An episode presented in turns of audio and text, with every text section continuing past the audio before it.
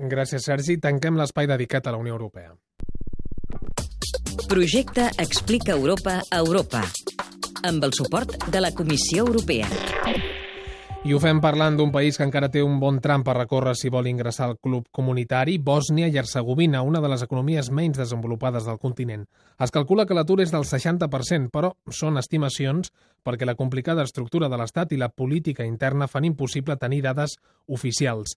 Anem a Sarajevo. Maria Alba Gilabert, bona nit. Bona nit. L'economia bòsnia-herzegovina necessita atenció urgent. Després de la guerra dels anys 90 i gràcies a l'ajuda internacional va aconseguir avenços importants, però ara el procés està encallat, tot i que l'ajuda internacional continuï arribant.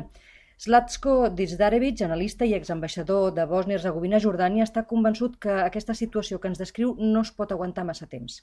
L'economia està totalment destruïda.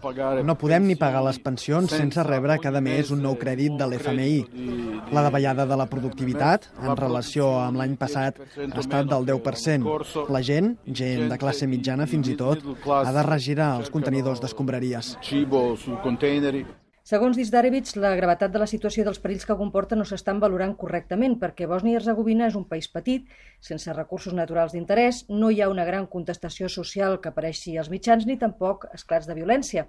Però és encara un país en construcció, representa això un factor de risc que no s'ha de menys tenir i afegeix, paradoxalment, que el que més urgentment necessiten no són diners.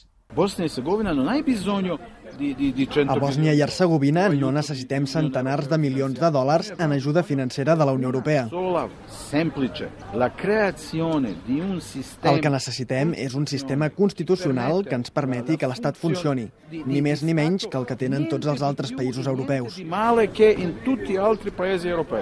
Els acords de pau de Dayton amb què es va acabar la guerra de Bòsnia fa més de dues dècades van portar un país dividit en dues entitats on hi ha 148 institucions governamentals i 17 centres policials que no es coordinen on en lloc de l'habitual divisió de poders en tres, en tenen cinc, i on la corrupció continua molt arrelada.